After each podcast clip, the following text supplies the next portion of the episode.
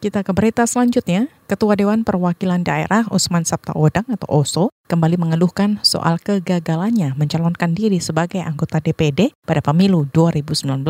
Hal ini disampaikan Ketua Umum Partai Hanura itu di hadapan Presiden Joko Widodo dan sejumlah pimpinan lembaga negara saat berbuka puasa di rumahnya. Oso juga menyindir Ketua Mahkamah Konstitusi Anwar Usman yang tak hadir dalam acara tersebut. Seperti diketahui, MK melarang pengurus partai politik mencalonkan diri sebagai anggota DPD. Putusan MK ini menjadi dasar KPU untuk mencoret Oso dari daftar calon DPD pada pemilu lalu.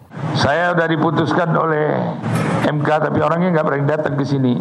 Saya bagaimana bisa berkhianat sudah menerima partai? Saya nggak bisa. Saya korbankan apa boleh buat, tidak perlu saya akan tetap di situ.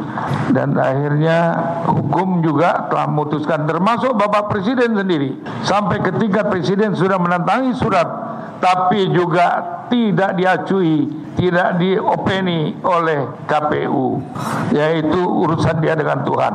Usman serta Odang kemudian berpamitan kepada Jokowi karena hari ini menjadi kali terakhir ia menjadi tuan rumah buka puasa bersama sebagai ketua DPD.